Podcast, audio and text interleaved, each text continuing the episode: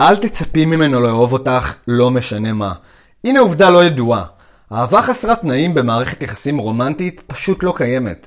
כאשר אנשים אוהבים אחד את השני, זה בגלל שיוצא להם משהו טוב ממערכת היחסים, שגורם להם להרגיש מצוין.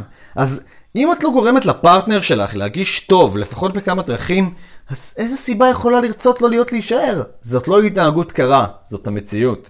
נשים שמתעקשות שהן צריכות להיות נאהבות רק בגלל איך שהן, שלא חושבות להתפתח בתור בן אדם, בסופו של דבר הן לא מאושרות במערכת היחסים שלהן. בגלל שמערכת יחסים זה שותפות. זה אומר שצריך להיות לך אכפת לגבי לעשות את הפרטנר שלך מאושר בדיוק כמו שאת רוצה להיות מאושרת בעצמך, והאמת היא שאת צריכה לשנות כמה אזורים פחות מושכים בך, כמה אזורים שקשה להסתדר איתם כדי שמערכת היחסים הזאת תעבוד. אז אני רוצה שתסתכלי במראה, והאם את יודעת עמוק בתוכך מה החלקים האלו יכולים להיות? והאם את מוכנה להשתנות שאת יודעת שעל כף המאזניים מונח את או מישהי אחרת שהפרטנר שלך יבחר בה?